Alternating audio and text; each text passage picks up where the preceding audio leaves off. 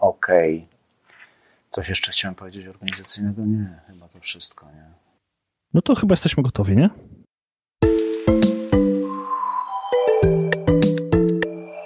Sponsorem letniej szkoły e-learningu 2019 jest Speaks, kompleksowy system do nauki języków obcych online, kierowany do organizacji biznesowych, z którego korzysta 8 milionów pracowników na całym świecie.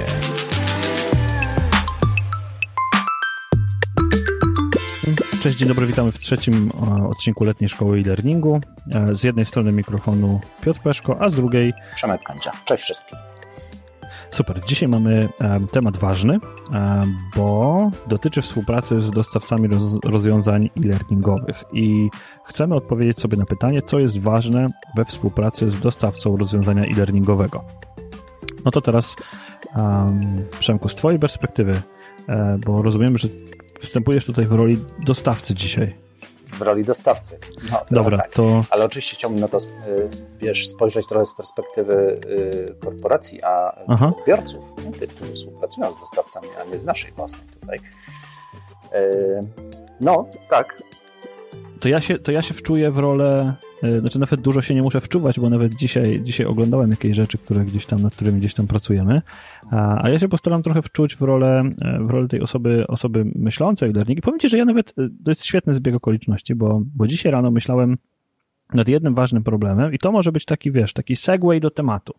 Pomyślałem sobie o takim czymś, że my w e-learningu, robiąc e-learning, będąc dostawcami e-learningu, popełniamy moim zdaniem jeden ogromny E, I, I to jest moim zdaniem ogromny błąd, że mamy ogromną trudność, i to sobie ten temat wywołał Bartek Rycharski, mamy ogromną trudność z wycenianiem. I to jakby, i, i, nasze, i nasze wyceny są, są bardzo niejasne, wiesz, bo ja, ja na przykład patrzę, jak, jak, jak, są wyceniane szkolenia, wiesz, szkolenia tradycyjne na przykład, no nie? Szkolenie tradycyjne, wiadomo, kto szkoli, kiedy szkoli, jak szkoli, ile będzie trwało, ile będzie kosztowało i tak dalej. A w e-learningu to jest masakra jakaś. Nie, ja wyceniam per cel, a ja wyceniam per ekran, a ja wyceniam per godzina, a ja wyceniam przez coś tam. Po prostu i, i, i myślę, że to jest fajny segue do tego, żebyśmy zaczęli myśleć o tym, co jest ważne we współpracy, bo, bo tu, są, tu jest dużo do zrobienia po stronie mm, firmy, dostawcy i dużo do zrobienia po stronie e, odbiorcy niestety. No to prawda, ruszyłeś temat faktycznie yy, bardzo istotny temat wyceny. Yy, no i to jest tak, że przy szkoleniach tradycyjnych jest łatwo o parametry, a przy szkoleniach e-learningowych takie jednoznaczne parametry nie są łatwe do ustalenia, nie? bo to jest trochę taka robota artystyczna po części, koncepcyjna. E, dużo elementów się składa na cały proces projektowania. Dużo mniej niż na szkolenie tradycyjne, które ma te parametry bardzo jasne. Tak, ale, ale wiesz, jakby popatrz, na, samochód bardzo dużo elementów składa się na samochód, no nie? Ale jesteś w stanie wziąć katalog e, do ręki, obojętnie jakiego producenta i przynajmniej wybrać kategorię, zobaczyć podobny, wiesz, jakby no, no, jesteś w stanie podjąć decyzję na, na jak, na ile, wiesz ile chcesz wydać, tak? Ale jesteś w stanie, ok, a ja, ja chciałbym to i chciałbym to i chciałbym taki model i chciałbym kombi albo taki, albo hatchback, albo coś tam, nie? I z takim wyposażeniem, albo z takim, albo z takim i w końcu ktoś jest ci w stanie e, albo podać przynajmniej orientacyjną cenę, albo podać cenę bardzo dokładną. I ja mam wrażenie, że w e-learningu my nie wiemy. Mhm. Wiesz co, ja myślę sobie, że e-learning trochę jest podobny do reklamy, jeśli chodzi o wycenę, mhm. tak? że masz bardzo długi proces, który prowadzi do powstania ostatecznego produktu, który trwa na przykład pół minuty. Natomiast to, co się dzieje wcześniej, yy, znaczy nie możesz wycenić yy, pracy jakby na pół minuty, nie? Tak jak no trener na szkoleniu tradycyjnym jest jeden dzień, to wie, że ma jeden dzień pracy plus tam trochę, yy, jakiś czas na przygotowanie i to jest sparametryzowane. A w reklamie masz pół minuty i to jest efekt końcowy. Ale cały proces, który prowadzi do powstania tej reklamy jest bardzo długi i to on jest de, de facto wyceniany, czyli musisz wycenić ten proces. Nie? Mhm, mhm.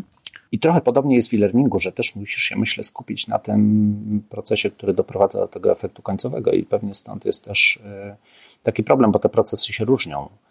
I tutaj, jak wiesz, learning nie jedno ma imię, można to zrobić na różne sposoby, czyli różnym procesem dojść do efektu końcowego. Ale teraz jakby pomyślimy o tym, o, ty, o, tej, kwestii, o tej kwestii współpracy, no to mm, ważne jest to, to, to, co tutaj już wspominamy, że użyłeś tutaj, użyliśmy tutaj słowa um, współpraca, no nie?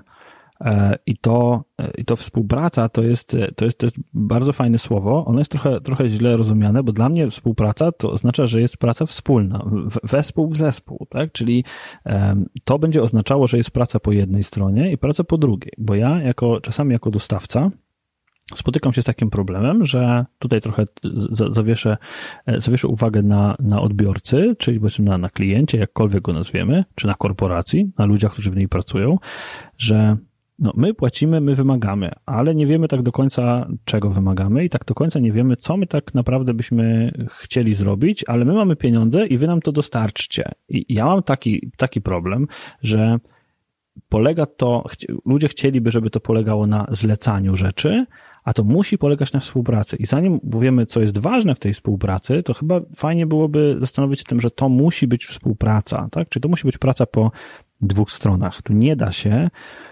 zrobić dobrego programu rozwojowego, dobrego rozwiązania e-learningowego, jeżeli nie będziemy zaangażowani po obydwu stronach. Po prostu się tego zrobić nie da. Można kupić sobie narzędzie, można kupić sobie platformę e-learningową, można zrobić cuda, ale nie da się zrobić dobrego programu, jeżeli nie będziemy współpracować po obu stronach.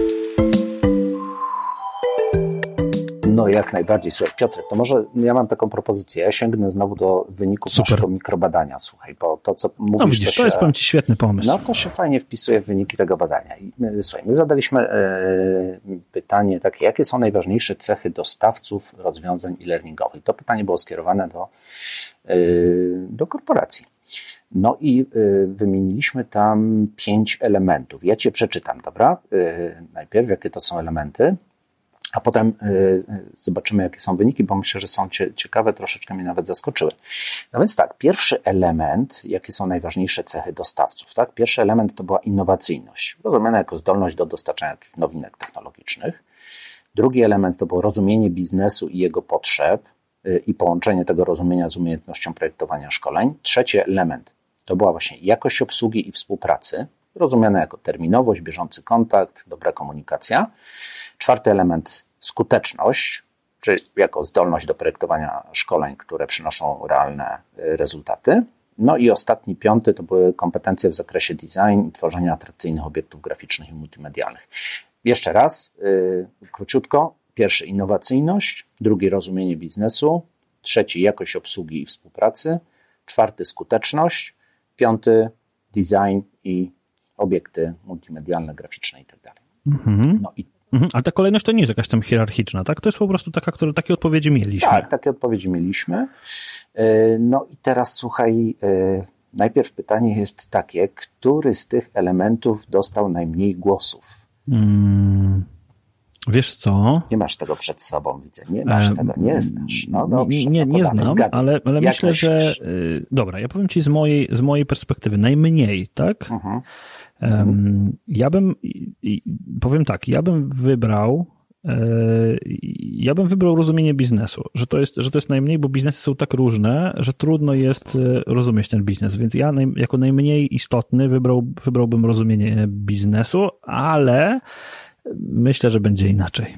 No jest inaczej, jest inaczej. Słuchaj, zdecydowanie najmniej ma odpowiedź numer jeden, czyli innowacyjność. Mhm. Właśnie, jako zdolność do dostarczania pewnych nowinek technologicznych w e-learningu.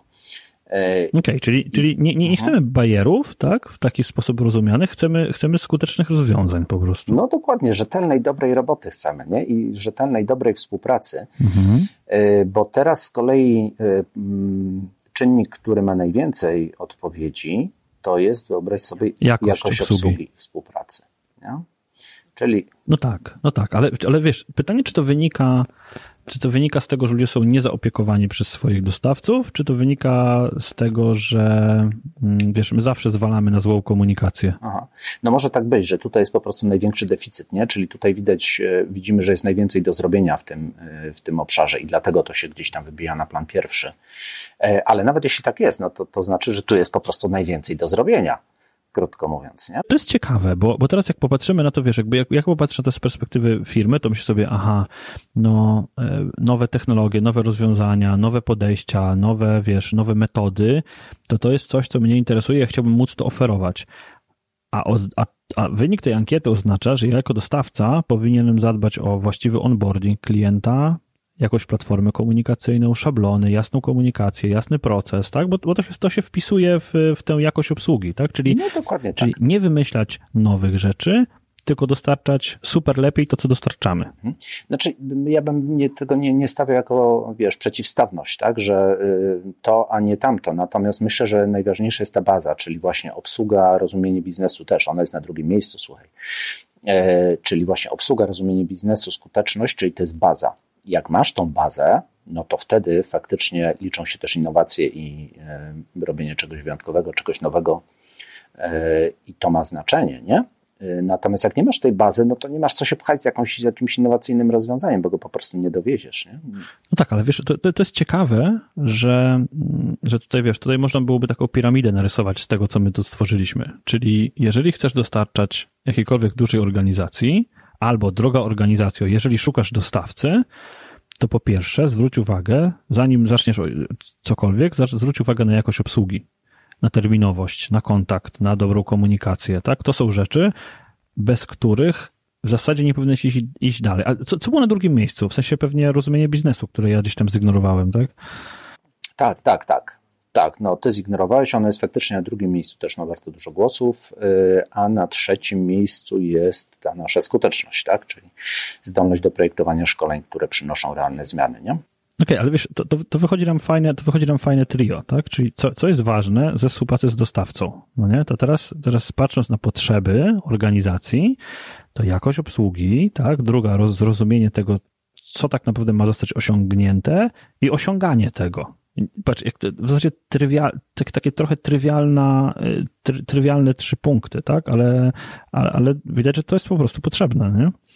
Tak, one są potrzebne i co więcej, one są bardzo trudne do zrobienia tak naprawdę. To nie jest taki banał, nie? bo to może brzmi banalnie. Nawet można by to dopasować pewnie do y, wielu różnych biznesów, niekoniecznie do, do e-learningu, y, bo to są dość uniwersalne zasady, szczególnie w takich usługach, które mają charakter trochę doradczy. Mhm.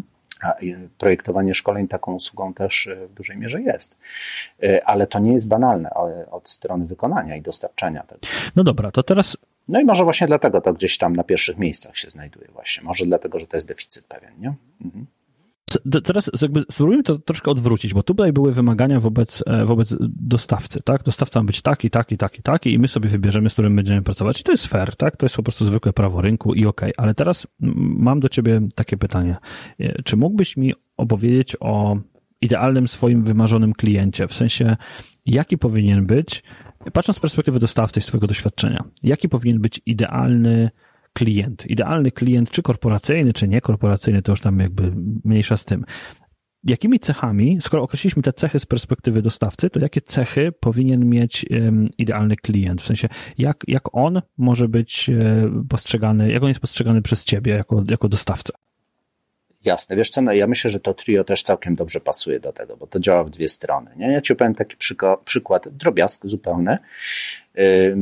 Ostatnio y, kolega, który siedzi dwa biurka dalej, mówi: O, dostałem maila od naszego klienta, nic się w tym projekcie jakoś y, ostatnio nie dzieje, to znaczy czekamy na feedback od, od klienta i piłka jest, że tak powiem, po stronie naszego klienta, ale właśnie y, przysłał maila E, który brzmi tak: Panie Marku, proszę się nie niepokoić, pracujemy cały czas nad tym, jeszcze nie jesteśmy gotowi, odezwiemy się za tydzień. I niby nic się nie zadziało w projekcie, ale to jest informacja, że to jest ważne, że nad tym pracują, myślą o tym i że coś się z tym będzie dalej działo. I to jest taka zasada, którą my też staramy się stosować przy naszej obsłudze klienta, i to jest takie hasło sobie, takie moje ulubione, które chciałbym się nim podzielić, bo myślę, że ono tak naprawdę jest wszystkim, jeśli chodzi o obsługę i o współpracę.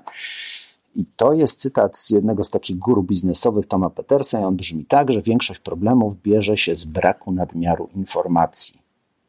Tak, powtórzę jeszcze raz, bo e, sentencja jest dość złożona. Większość problemów bierze się z braku nadmiaru informacji.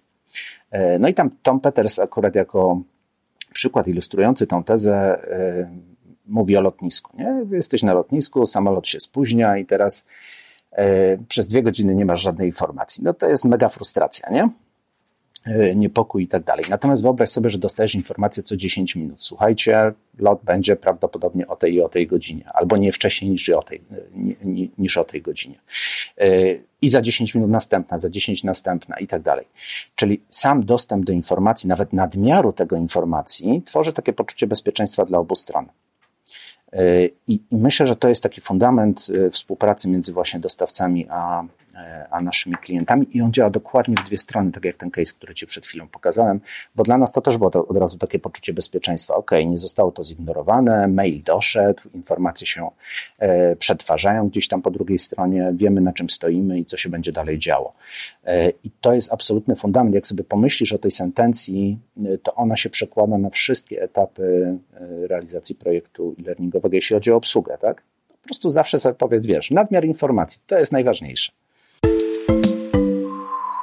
z perspektywy różnych projektów, ja myślę, że, że wiesz, jakby nie ma czegoś takiego jak over communication. Nie, nie, nie, nie da się przekomunikować czegoś, tak? Jeżeli masz informację do przekazania, to ją, to ją przekazuj. Ja myślę, że stąd na przykład wzięła się taka popularność systemów takich jak Slack na przykład, no nie? Gdzie, gdzie ludzie wrzucają informacje, czy Microsoft Teams, czy, coś takiego, gdzie ludzie wrzucają na bieżąco informacje i nagle się okazuje, my jesteśmy do tego przyzwyczajeni. Zobacz, e, e, kiedy siedzimy na, w naszych social mediach, to mamy cały czas informacje ze źródeł, które śledzimy i które nas interesują. One się tam pojawiają po prostu cały czas, no nie?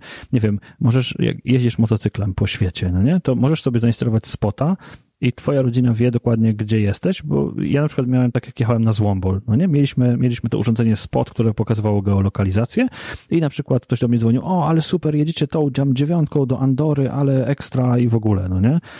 I, i wiesz, jakby to też daje y, twoim bliskim poczucie bezpieczeństwa, no nie? Bo wiesz, że jesteś, że się poruszacie, że coś że się nie dzieje, albo chcą do was zadzwonić. Oczywiście to też płata taka technologia figle, ale to dostarczenie tej informacji spowodowało, że ludzie byli spokojni. I, I, nie wiem, czy ty masz takie, czy masz takie doświadczenia właśnie, takie wiesz, bardzo życiowe, niekoniecznie, niekoniecznie pracowe, ale bardzo życiowe, że, że nie da się czasami przekomunikować. Tak, to prawda. Też tego uważam. No poza, wiesz, jakimś tam spamem marketingowym, nie? Ale to jest chyba no jedyny obszar, gdzie mamy tego za dużo. Natomiast w takich projektach, gdzie liczy się współpraca, to się nie da faktycznie. Czym więcej, tym lepiej. Czym więcej, tym lepiej. Mhm. To teraz powiem Ci tak, jakby moje doświadczenie, zacząłem od pewnego czasu, kiedy pracuję z klientami, robić coś, co się nazywa onboardingiem klienta. E, pomyślałem sobie, że skoro pracownik przychodzący do nowej pracy um, zaczyna pracować w jakiejś tam zgodnie z jakimiś procesami, chcemy, żeby, żeby chcemy od niego oczekiwać pewnych zachowań i pewnych działań, no to go wdrażamy w, w dany projekt. I to tutaj mnie zainspirowało do tego któryś z podcastów Marka Jankowskiego, pozdrawiamy Marka, ale i on właśnie mówił o onboardingu klienta. I, i ja właśnie pomyślałem sobie, ok, więc skoro my robimy onboarding pracownikom, to zrobimy też onboarding klientom. Po prostu spotkanie albo kick-off, albo właśnie onboarding. Pokażmy im, jak pracujemy. Pokażmy im, jaka wartość płynie z pracy zgodnie z procesem, z raportowania pewnych rzeczy, z komunikowania wobec pewnych rzeczy i tak dalej. E, I powiem Ci, że um, ludzie są bardzo zdziwieni. Kiedy już wiesz, jakby przygotowane są wszystkie dokumenty, mówię, dobrze, to teraz się spotkamy, na powiedzmy potrzebujemy dwie godziny, ustalmy sobie plan gry.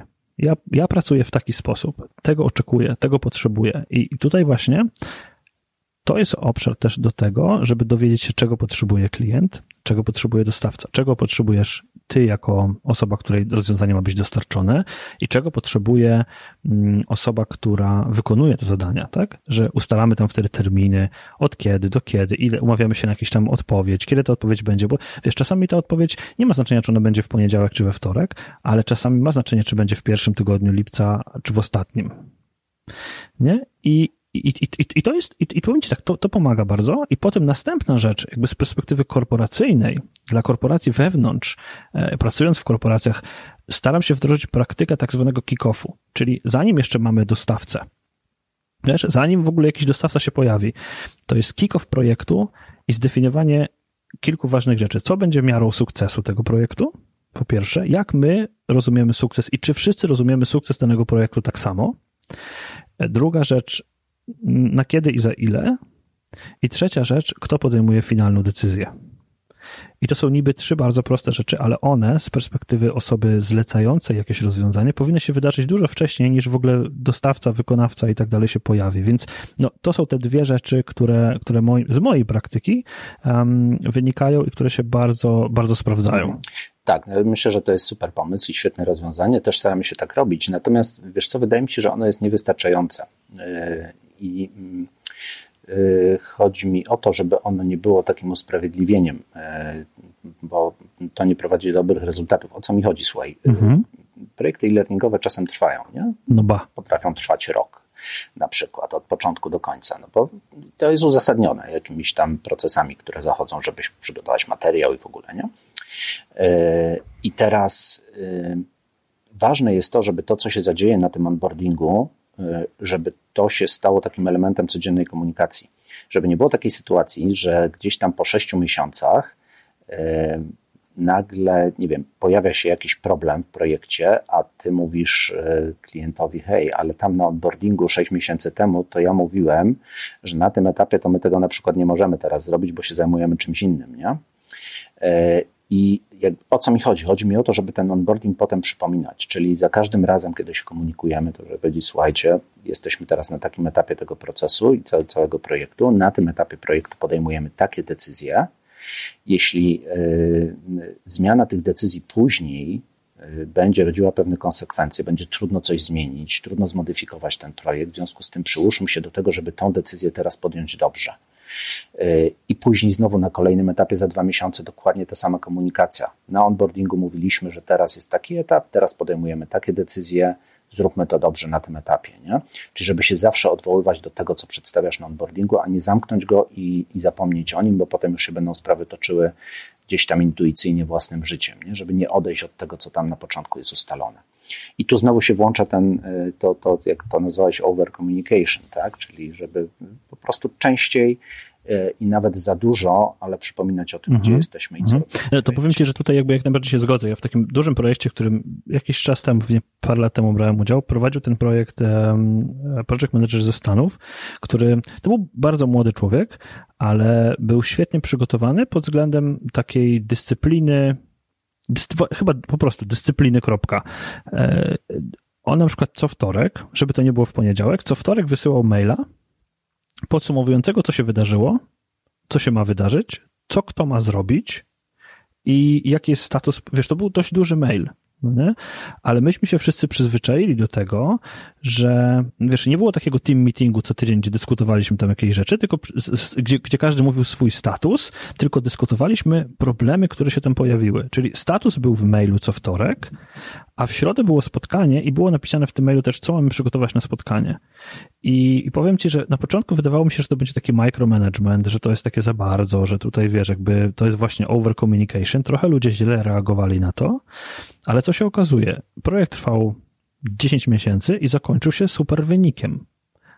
I ja myślę, że ogromnym przyczynkiem do tego było właśnie ten cykl, że był ten onboarding, to gadali, wiedzieliśmy, co naprawdę robimy. Co tydzień we wtorek pojawiał się mail z podsumowaniem, a w środę było spotkanie, gdzie rozwiązywaliśmy problemy, które były do rozwiązania i, ktoś, i musiał być ktoś, kto podejmował decyzję. No nie? I, ja właśnie jakby, jakby y, to jest praktyka, która myślę, że ona jest banalnie prosta. W sensie, jak o niej mówimy, to jest tak proste do zrobienia, jak tylko może być i jednocześnie to jest tak trudne no, do wdrożenia. Wiesz, wiesz, dlaczego to jest trudne do wdrożenia. Pomyśl, ile, ile czasu zajęło mu napisanie tego maila. Yy, Dzień. No, e, okej, okay, może nie aż tyle, no, ale to na pewno trzeba liczyć w godzinach, tak? bo musiał wykonać pewien mhm. proces intelektualny, zastanowić się, e, ułożyć tego maila. I to jest. Tak, znaczy nie, nie on, on, mówił, on mówił, że to był, to był poniedziałek. Cały poniedziałek, z, zebranie wszystkich danych, bo on w poniedziałek zbierał te dane, dzwonił do ludzi, pytał ich i tak dalej. Zajmowało mu to mhm. poniedziałek. No, i... Ale zobacz, ale zbieranie tych informacji dla niego było zarządzaniem projektem. No oczywiście, oczywiście, jasne, to jest element zarządzania projektem, nie? ale bardzo często go ignorujemy, bo po pierwsze on jest bardzo pracochłonny, równa się kosztowny, prawda? No bo to jest e, czas, czyli, e, czyli pieniądze. A z drugiej strony nie tworzy bezpośrednio ekranów szkolenia, że tak już zbanalizuje temat, tak? E, czyli tego, co my możemy postrzegać jako główną naszą robotę, czyli żeby powstał efekt końcowy. To jest coś, co jest trochę z boku tego, co my tam mamy wyprodukować na końcu. I myślę, że to jest powód, dla którego to często ignorujemy albo nie doceniamy, albo tego nie robimy. Bo czas, pieniądze i niekoniecznie przekłada się od razu na ten efekt końcowy, a my byśmy chcieli jak najszybciej do celu, jak najszybciej do narzędzi, jak najszybciej do ekranów. No i to powoduje, że to wcale nie jest takie proste. To się wydaje proste, jak o tym rozmawiamy, ale wdrożenie tego w rzeczywistości to już nie jest takie proste i to wymaga dużego wysiłku. I jak najbardziej, to się jak najbardziej zgodzę z tym, ale też wiesz co wymaga? Właśnie dyscypliny wspomnianej. Wymaga dyscypliny po, po obu stronach. Wymaga tego, żeby ta rzecz, którą robimy, była uważana przez obydwie strony za ważną. No właśnie, żeby była uważana za ważną i teraz jak sobie wracam do tej naszej ankietki, tego naszego badania, to ona jest numerem jeden, czyli jest ważna. Jest ważna, nie? E, choć często niedoceniana. No dobrze, po, po, powiedz mi, powiedz mi Przemku, czy się pokusisz o krótkie podsumowanie, czyli co jest ważne we współpracy? Wiesz co, y, ja chciałbym wrócić jeszcze do y, tego, od czego rozpocząłeś, czyli od wyceny, bo myślę, że to się nam trochę tak, y, tak klamrą spina, że tak. A, no to no owszem. o tym. Ale... Wiesz co, zgubił, miałem tę myśl przed chwilą w głowie i ją zgubiłem. No, tak, żebyś, wiesz, żeby nie wyszło tak, że zignorowaliśmy zupełnie ten temat, od którego zacząłeś, bo potem przeszliśmy do innych wątków, e, ale myślę, że warto do niego wrócić. I faktycznie ta e, współpraca, cały proces zarządzania projektem to są elementy, które e, tworzą cenę, których nie widać niekoniecznie widać potem w końcowym rozwiązaniu, w tym, co widzisz gdzieś tam w szkoleniu już, nie? bo to gdzieś jest schowane w trzeciej warstwie, a jest bardzo ważne. I to tworzy E, tworzy wartość tego projektu. Dlatego jak podchodzimy do wycen, to musimy brać pod uwagę cały proces. E, I nie ma tutaj, myślę, jakiegoś najlepszego rozwiązania. Różne są sytuacje, ale e, powiedziałbym tak, nie wyceniamy efektu końcowego, tylko wyceniamy proces dochodzenia do tego efektu końcowego w szkoleniach e-learningowych i ważne jest to, żeby o tym rozmawiać E, dostawca, klient w tej relacji, żeby pokazać ten proces, co się dzieje po kolei, e, bo tam widać godziny pracy e, i tam widać uzasadnienie tej wyceny. Dlatego akurat my podchodzimy dość elastycznie do wyceny efektu końcowego, czyli my to opieramy akurat na godzinach, właśnie dlatego, że my nie wiemy do końca, co na końcu wyjdzie, tak? Co będzie efektem całego tego procesu współpracy, E, wspólnego tworzenia i projektowania e, szkolenia razem z klientem. No, ale oczywiście szanuję też inne e, modele wyceny. W każdym razie to są te czynniki kosztotwórcze, nie? czy cenotwórcze. Co, co budzi w mojej głowie taki, taką, taką zapala lampkę, jeżeli chodzi o, o alarm? Jeżeli um, ja oczywiście zadaję takie pytanie, czy project manager jest po stronie mm, wiesz, organizacji, dla której świadczy usługę, czy po mojej stronie i zaczyna zaczynam się martwić, kiedy ktoś mówi, nie, nie, nie, my zarządzamy tym projektem i my będziemy prowadzić cały ten projekt. My to nie? znaczy kto? Dostawca czy... My, my, to znaczy, nie, nie, my to znaczy organizacja. Organizacja.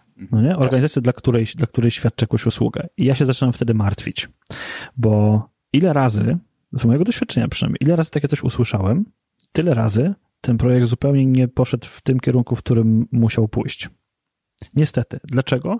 Bo nieprzestrzegany był ten proces. Nie? Bo, bo, bo to, że był tam projekt manager, w wielu, wielu projektach unijnych tak jest. Jest jakiś kierownik projektu unijnego, ale to nie jest kierownik tego dostarczenia, tego przejścia przez konkretny proces. E, w związku z tym, e, no ja po prostu mam jakiś tam, jakiś tam szablon w tej chwili projektowy i niezależnie od tego, kto mm, oficjalnie jest project managerem, to ja i tak wychodzę z założenia, że około 10% projektu, ja wiem, że to jest, wiesz, to, to, jest, to jest wartość taka, że tak powiem, wyssana z palca, ale wychodzę z założenia, że około 10% projektu to jest e, zarządzanie tym projektem, czyli też komunikacja wokół tego projektu. Mhm. Dokładnie my do, do, tego podchodzimy dokładnie tak samo, czyli y, zarządzanie projektem jest zawsze po naszej stronie. I znowu chciałbym to wrócić no, króciutko do tej metafory z y, reklamą, tak?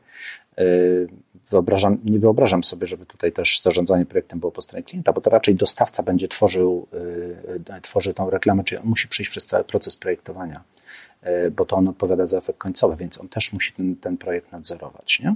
I tak samo jest w e-learningu. Zarządzanie projektem myślę, że powinno być po stronie dostawcy zdecydowanie tym bardziej mam, że mam takie wrażenie, że klienci tego po prostu oczekują, no bo to my jesteśmy ekspertami od tego, jak ten projekt powinien e, przebiegać, tym bardziej, że on jest złożony. No i tak prosiłeś mnie o podsumowanie, to takie, takie kilka tez mi się tutaj na podsumowanie nasuwa, czyli jeśli wybieramy dostawcę na przykład, tak? Czy to, to, to nie patrzmy tylko na efekt końcowy i na to, jak, jest, jak wyglądają, nie wiem, multimedia, grafiki i tak dalej, ale patrzmy na proces dochodzenia e, do rozwiązania ostatecznego. Jak on jest poukładany i czy jesteśmy w pełni świadomi, jak on przebiega, czy jesteśmy w stanie nim zarządzać, co się będzie działo na kolejnych etapach, jakie decyzje musimy podejmować. No i potem już tylko over communication. No dobrze, czyli, czyli musimy współpracować. Podsumowując tak, tak jednym zdaniem, to współpraca jest po prostu ważna. No pięknie. Czyli wespół w zespół budujemy, e, budujemy taką małą, może wykrojoną z innych organizacji komórkę, która ma pracować razem i ma, e, ma się dogadywać po prostu. I myślę, że to jest, e, że to jest dobry, dobre zdanie na podsumowanie tego odcinka. Dziękuję bardzo i zapraszamy do kolejnego odcinka, w którym będziemy mówić o czymś, co się nazywa wsad merytoryczny. Tak jest. Dziękuję za dzisiaj. Taki będzie następny odcinek. Dzięki również. Do usłyszenia.